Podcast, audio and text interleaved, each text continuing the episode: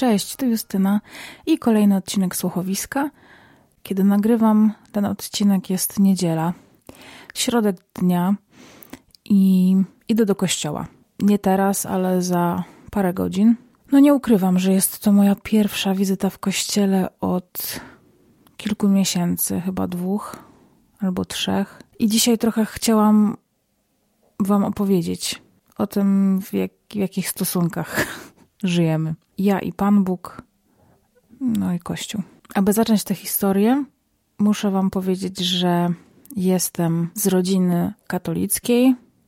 Zresztą to chyba w Polsce nic dziwnego, ale moja rodzina jest bardzo związana z Kościołem, jest dość pobożna.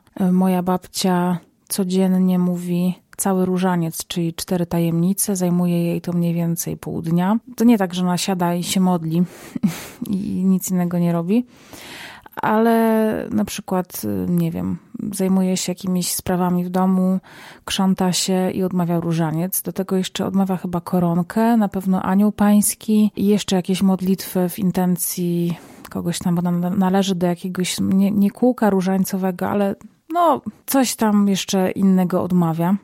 I robi to w taki bardzo specyficzny, powolny sposób, y, takim konspiracyjnym szeptem, że kiedy babcia się modli, to właściwie wszyscy w domu słyszą, y, jak mówi zdrowaś Maryjo, łaski pełna i tak dalej, i tak dalej.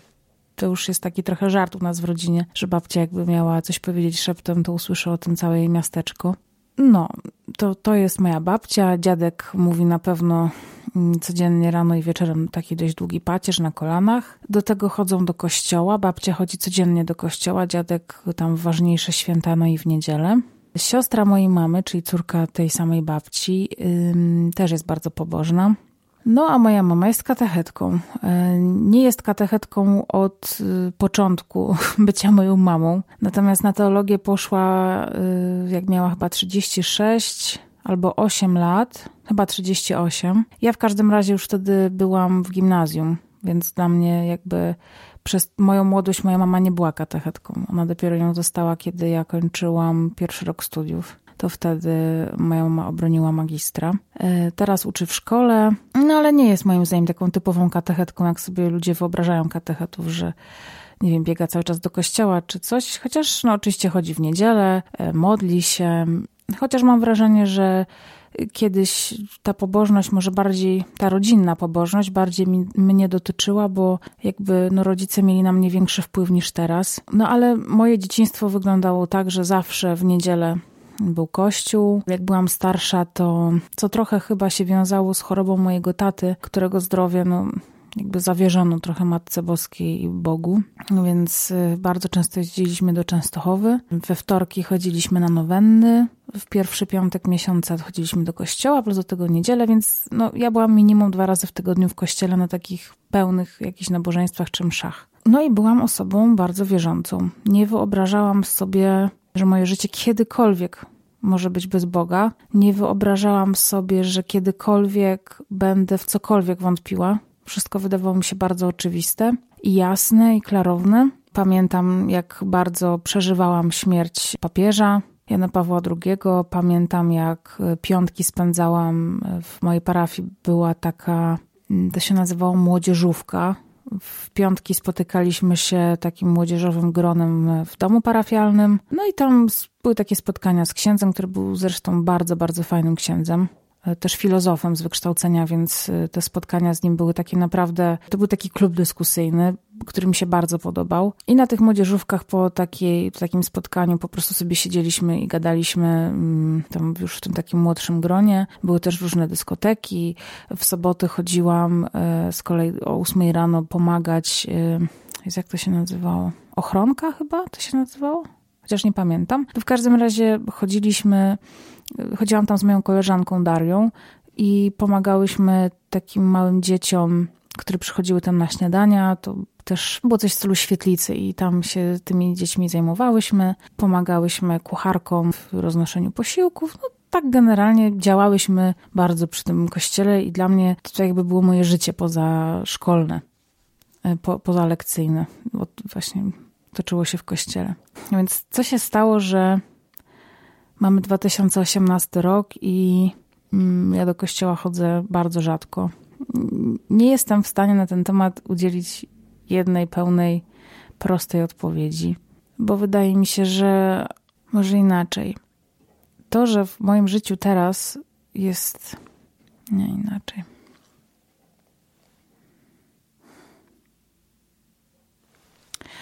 Wbrew pozorom, sporo osób, z którymi kiedyś rozmawiałam na temat mojego obecnego podejścia do wiary Boga i Kościoła, w trakcie rozmowy były przekonane, że to, dlaczego teraz nie mam mnie często w kościele, jest wynikiem tego, że zmarł mój tata i że poddałam się takiemu myśleniu, że gdyby Bóg istniał, to by nie pozwolił na to, że ludzie cierpią. Więc ja takiego myślenia nigdy nie miałam. Nigdy nie miałam takiego w sobie pytania do Boga, e, dlaczego mnie to spotyka, a nie kogoś innego, bo ten inny mógł zawsze zadać e, to samo pytanie, dlaczego jego to spotyka, a na przykład nie mnie. I uważam, że takie myślenie jest bardzo błędne w ogóle, niezależnie od tego, czy tyczy się w jakikolwiek sposób religii, czy nie. E, pewne rzeczy się po prostu dzieją.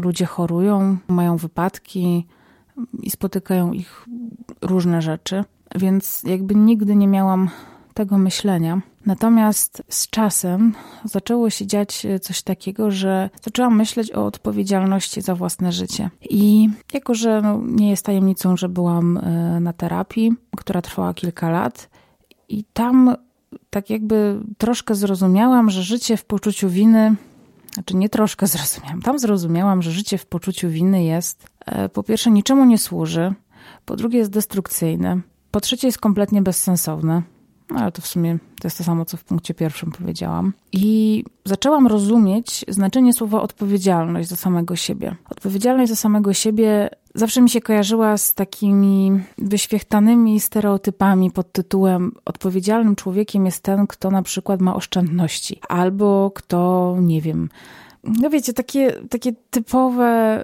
fizyczne oznaki odpowiedzialności. Natomiast odpowiedzialność za siebie to jest zrozumienie tego, że każda akcja ma jakąś reakcję i konsekwencje, które później będziemy musieli ponosić. I to nie chodzi o to właśnie, że jest wina, jest kara, bo tak świat nie funkcjonuje. Chyba, że mówimy o prawie karnym. Natomiast y, no, konsekwencje i odpowiedzialność ponosimy na właściwie chyba wszystkich płaszczyznach naszego życia. To znaczy, że na przykład jeżeli będziemy chamscy dla, nie wiem, naszych rodziców, no to te relacje się pogorszą, w efekcie czego na przykład, nie wiem, zostaniemy w pewnym momencie sami. I wtedy naprawienie takich relacji będzie nas bardzo wiele kosztowało, bo najpierw trzeba będzie dojść do tego wniosku, że tak się właśnie stało. Potem trzeba będzie się zastanowić, e, co mogę zrobić, żeby to zmienić. Trzeba będzie zmienić najpierw siebie, a potem zdobyć znowu zaufanie bliskich, e, w jakiś sposób, no nie wiem, czy im to wynagrodzić, ale spróbować e, zacząć od nowa.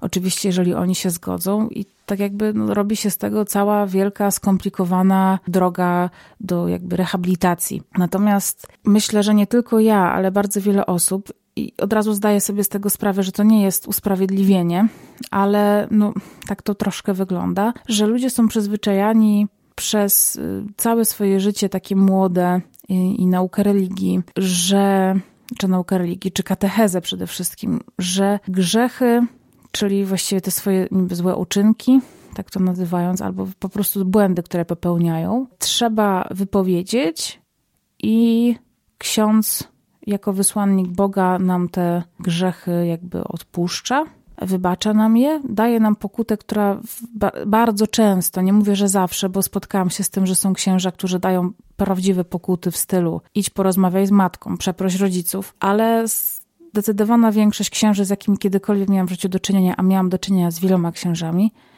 dawała pokuty związane z odmówieniem jakiejś modlitwy więc zupełnie nieadekwatne do tego, czego dotyczył grzech, bo nie lubię tego sformułowania grzechu, bo grzech niesie za sobą taką, takie odium czegoś bardzo złego, czegoś wstydliwego, czegoś godnego potępienia, czyli jakby już narzuca się ocenę jakby osoby, która, wykonu, która do, dokonuje grzechu.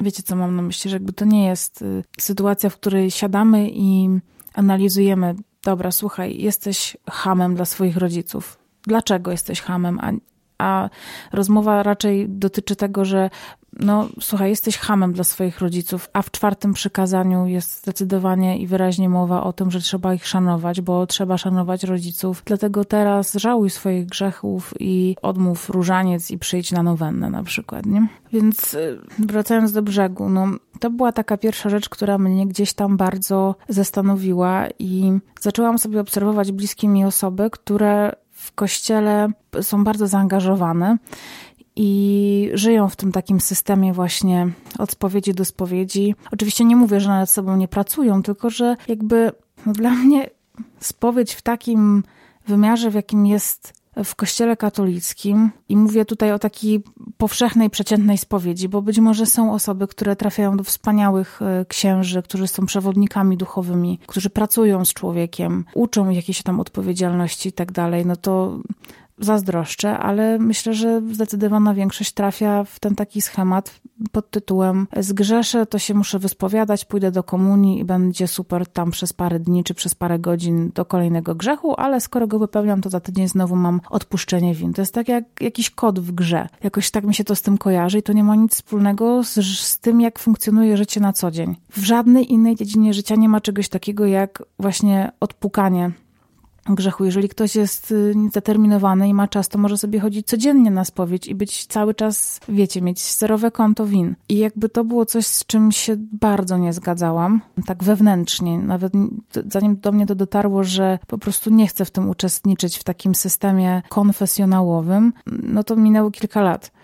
Zanim świadomie podjęłam decyzję, że znaczy podjęłam decyzję, świadomie uświadomiłam to sobie, że nie chcę w tym brać udziału. Druga rzecz natomiast, no to jest coś, co chyba nikogo nie dziwi. Myślę, że wiele osób ma takie przemyślenia dotyczące samego funkcjonowania Kościoła jako instytucji. I teraz tak, znowu wiem, że Kościół to jesteśmy my wszyscy, którzy jesteśmy w Kościele. Każdy z nas jest Kościołem i my wszyscy stworzymy tę wspólnotę. Natomiast nie da się ukryć, no, że jest różnica pomiędzy wiernymi a duchownymi w tej roli, czy w roli, którą pełnią w kościele. I oczywiście każdy ksiądz jest człowiekiem i ma, popełnia błędy. Z tego wszystkiego sobie zdaje sprawę. Jest wiele, wiele różnych innych aspektów, na które my, jako zwykli szarzy wierzący z kościelnych ławek, y, no, nie mamy wpływu, bo wiele rzeczy dzieje się gdzieś tam na górze bez naszej wiedzy.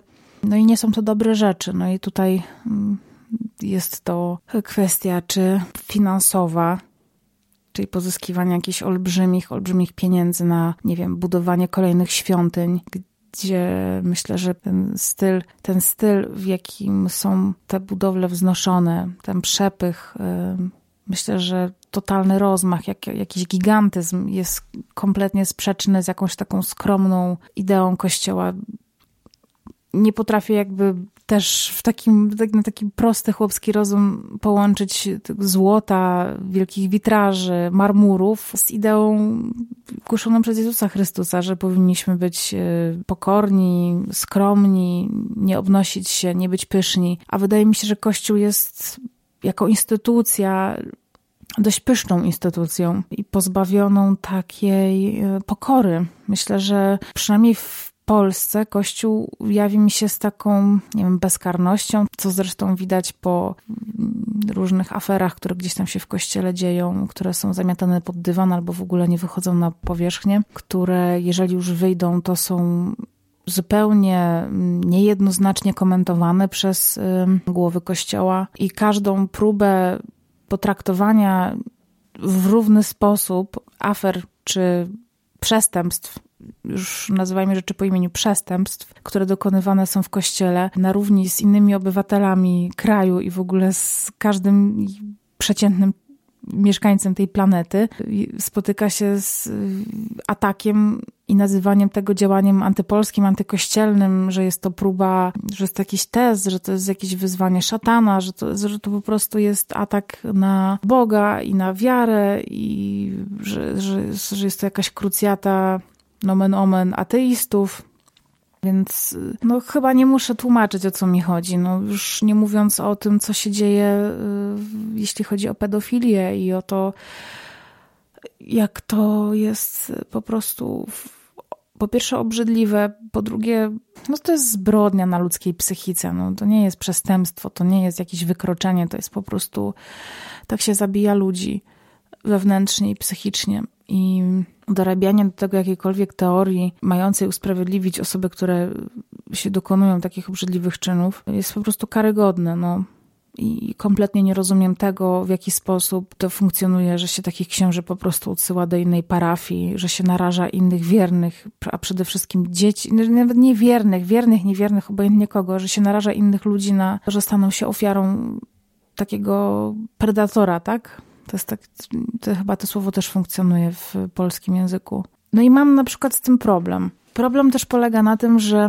mm, nie wiem, jestem zaręczona i pewnie w jakimś tam bliżej nieokreślonym czasie będę chciała brać ślub, czy będziemy chcieli wziąć ślub. I zawsze miałam takie wyobrażenie, że ślub to jest coś, po pierwsze na całe życie, no być może myślę utopijnie, ale ja mam akurat takie podejście. W mojej rodzinie był jeden rozwód, a w mojej takiej najbliższej ani jednego. I ludzie ze sobą po prostu byli do końca i to nie były jakieś nieudane, nieszczęśliwe małżeństwa. No jakoś tak po prostu się dobierali, że, że to wszystko działało i działa. I ja też mam takie podejście i zawsze sobie wyobrażałam, że ślub jest to taka podniosła chwila ślubowania sobie i składania przysięgi, że to nie jest zawarcie jakiegoś, jakiejś umowy pomiędzy dwojgiem ludzi, tylko to jest przy, przypieczętowanie, to jest jakiś sakrament, właśnie to jest jakieś takie namaszczenie, uzyskanie błogosławieństwa, że to jest sprawa na poziomie duchowym. Dlatego nie wyobrażam sobie na przykład, żebym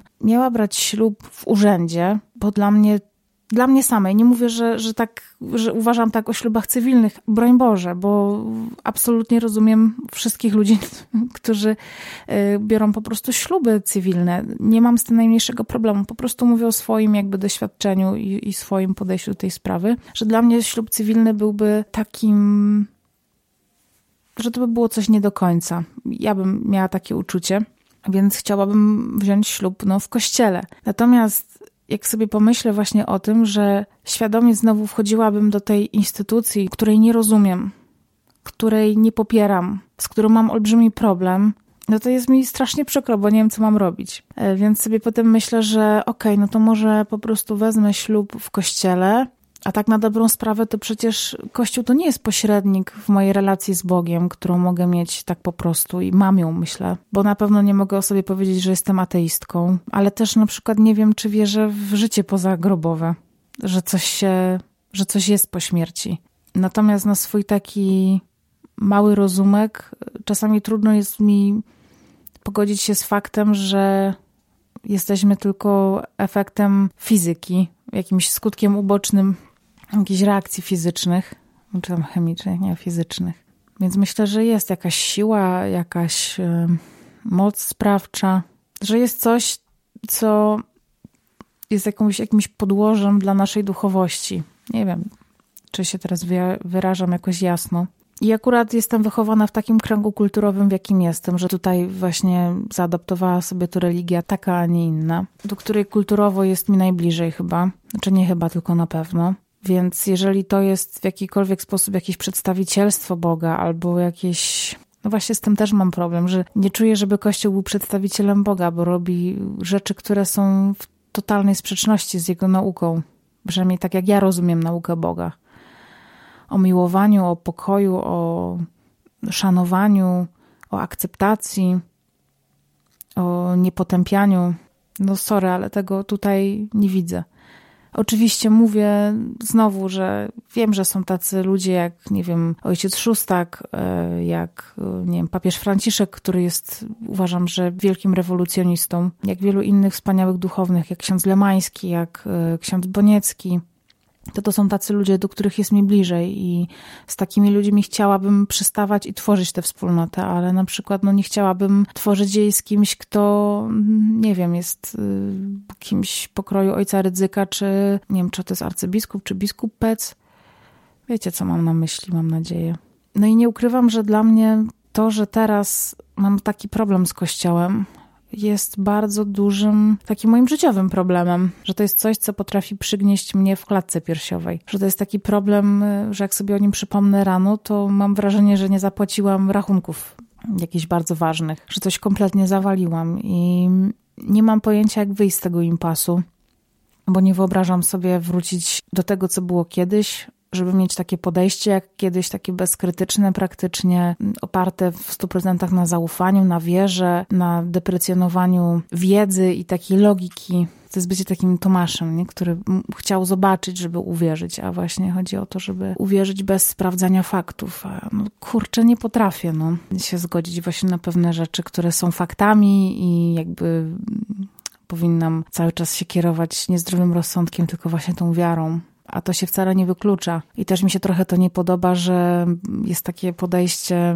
przynajmniej ja się spotkałam z takim podejściem, bo pewnie doświadczenia ludzi są różne.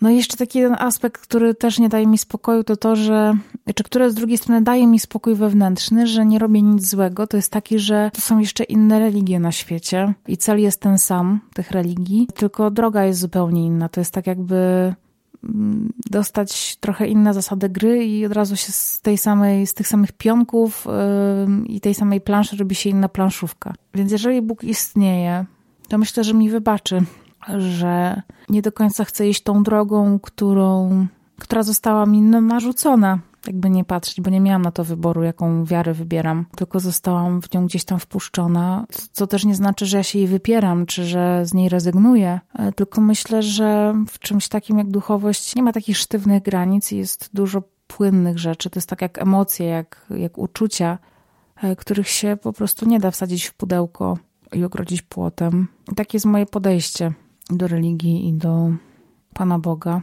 A zarzucam Was e, w poniedziałek tym tematem, dlatego że, tak jak mówiłam na początku, jest niedziela. Ja zaraz idę do kościoła, no, za dwie godziny, bo muszę odbyć nauki dla rodziców chrzestnych, bo mój siostrzeniec będzie niedługo chrzczony. No i trzeba teraz odbywać takie nauki, co uważam, że jest akurat bardzo spoko, bo mm, myślę, że dużo nieodpowiedzialnych osób brało na siebie ten obowiązek. Zresztą ja też kiedyś wzięłam taki obowiązek na siebie i totalnie dałam plamę. Jest mi z tego powodu bardzo wstyd i chciałabym, żeby moja następna przygoda z byciem rodzicem chrzestnym była już taka bardziej odpowiedzialna i prawdziwa, no. Więc, mhm.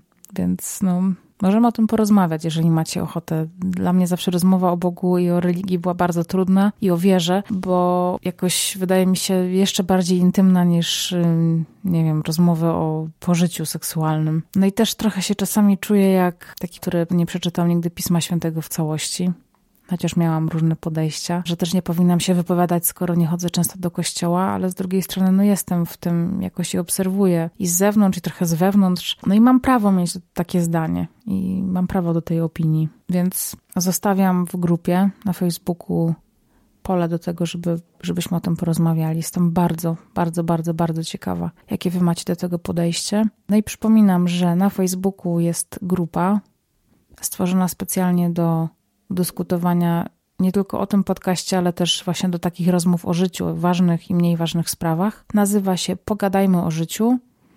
Znajdziecie ją wpisując prawdopodobnie w przeglądarkę i ona wam się wyszuka. Ja nie jestem w stanie tego sprawdzić, bo jako admin tej grupy to ta grupa mi wyskakuje od razu. Ale jeżeli nie znajdziecie jej przez wyszukiwarkę, to wejdźcie na fanpage Krótki Poradnik Jak Ogarnąć Życie i tam w jednym z najnowszych postów y, znajdziecie link do tej grupy. A jeżeli nie, to wystarczy wpisać chyba facebook.com slash groups slash pogadajmy o zyciu. I tak y, chyba też tam traficie. Więc zachęcam Was do dyskusji. Jestem bardzo ciekawa, co o tym sądzicie. I zostawiam Was z tą rozkminą. No i życzę Wam miłego poniedziałku i całego dobrego tygodnia. A jeżeli słuchacie tego później, to życzę Wam miłego dnia i dobrych kolejnych dni. I do usłyszenia. Pa, pa!